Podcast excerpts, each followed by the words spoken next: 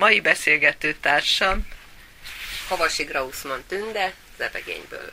és olyan foglalkozása van, aminek a bemutatása most nagyon időszerű, gyertyafaragó mester. Hogy kezdődött tünde ez a szenvedély? Vagy foglalkozás inkább? Hát lehet, hogy inkább szenvedélynek, hobbi, először hobbinak kezdődött. Tíz évvel ezelőtt kezdtem el ennek a ennek a gyertyának a készítéséhez. Én ezt korábban máshol láttam, ahol nagyon megtetszett, Horvátországba, és utána egy pár év után újból találkoztam vele így az interneten, de viszont semmiféle információ nem volt róla, tehát ezt mind saját magunknak kellett kitapasztalni a párommal, hogy ez milyen anyagból, tehát milyen nyersanyagból, milyen festékből, milyen szerszámból, hogy kell ezt fölmelegíteni, vagy egyáltalán hogy kell ezzel foglalkozni, dolgozni, és addig-addig nagyon sok telefonálás, utánajárás, érdeklődés, gyakorlás, utána azért úgy meglett az eredménye, sikerült mindennek utána járnunk, és, és akkor úgy neki kezdtem. És hát tényleg hobbi szinten volt ez, hogy, hogy úgy magamnak csinálok egy pár gyertyát, és úgy az ismerőseim meglátták, és hogy hát ez, ez nagyon szép, nagyon érdekes, ilyet még nem láttak, hogy és készítek-e nekik, hát persze, hát miért ne.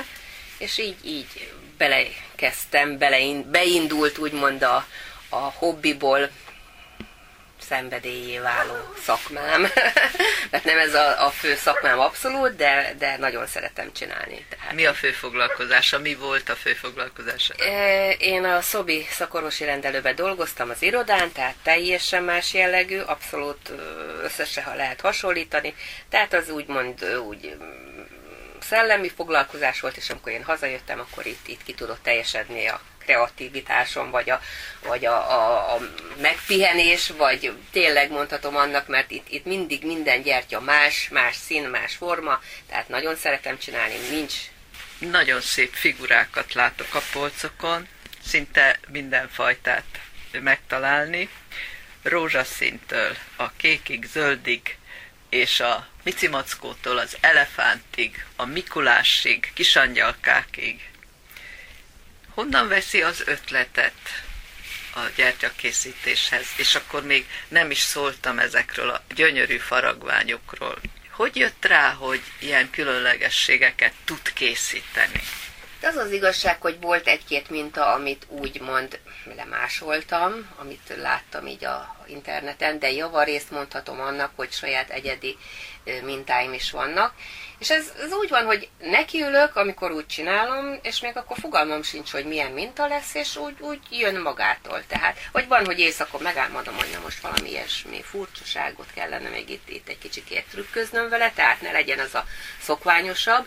De az az igazság, hogy nekem az is nagyon szeretik a gyertyákat, mert mindig azt mondják, hogy két egyforma nincs, tehát mindig más mintával. Tehát nem az a egy minta ezer színben és csak az van nyomva, hanem én, én mindig más-más formát próbálok belehozni, hogy egy kicsit újítsam, különlegesebbé tegyem.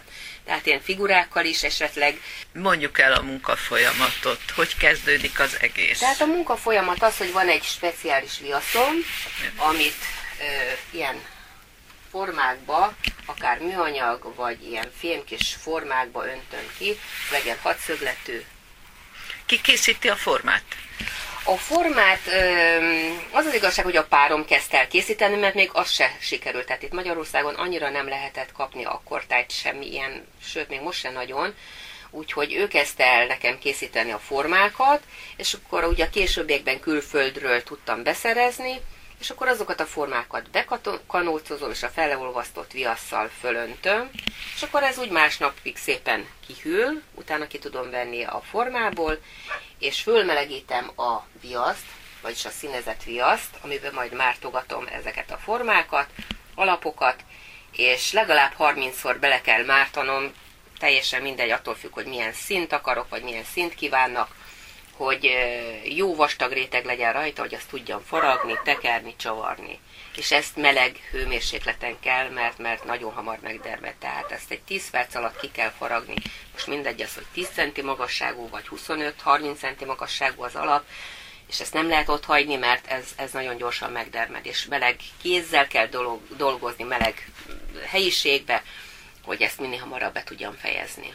Én eddig azt hittem, hogy gyertyát csak halottak napja közelettével vesznek, na, meg még természetesen advent idején.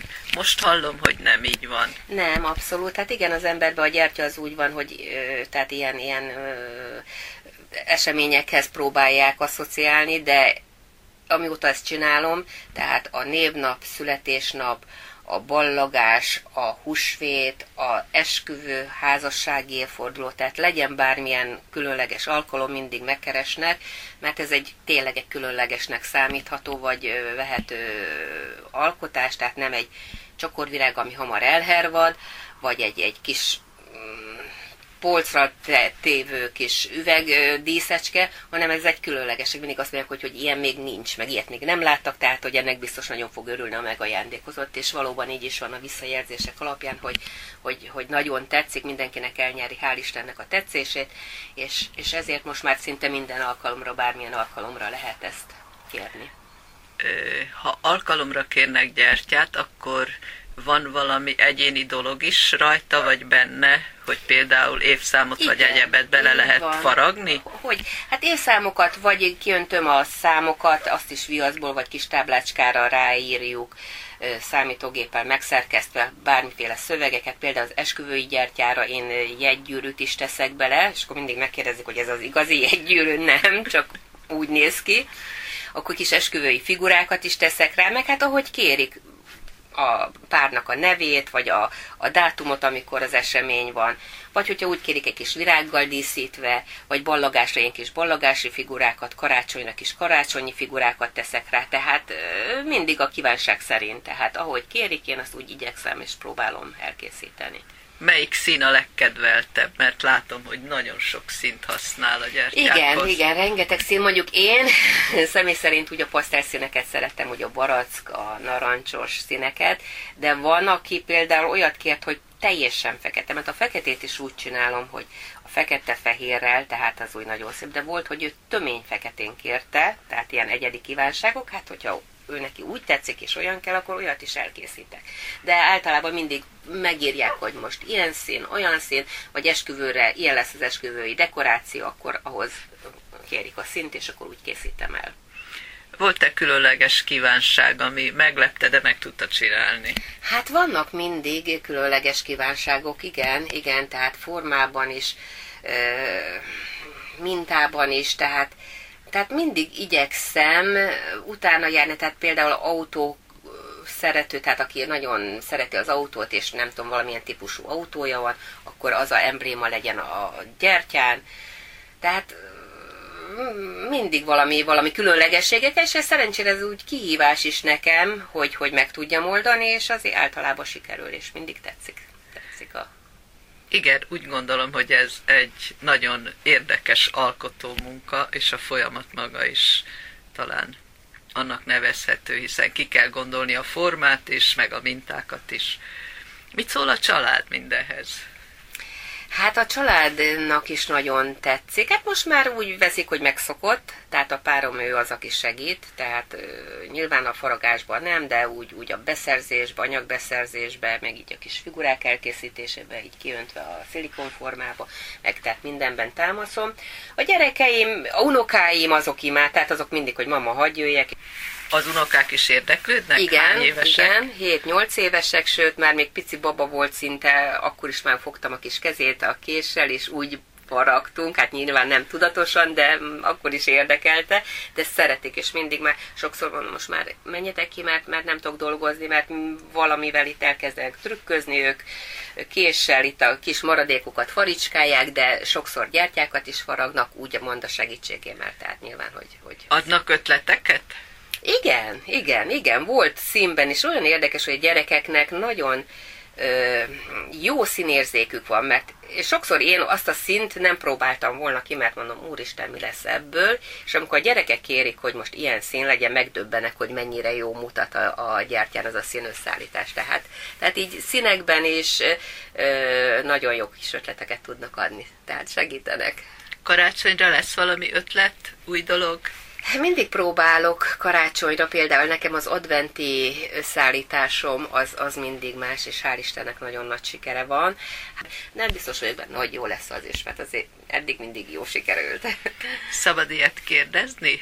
És boldog az alkotói folyamatban? Nagyon, tényleg nagyon szeretem csinálni. Tehát itt az ember megnyugszik, felfrissül, mind szellemileg, mind fizikailag, és úgy az ember a problémáját elfelejti, és csak ezzel foglalkozik, és élvezem teljes mértékben. További sikeres munkát kívánok. Grausman Tünde, Zebegényi, gyertyafaragóval Ámen Zsóka beszélgetett.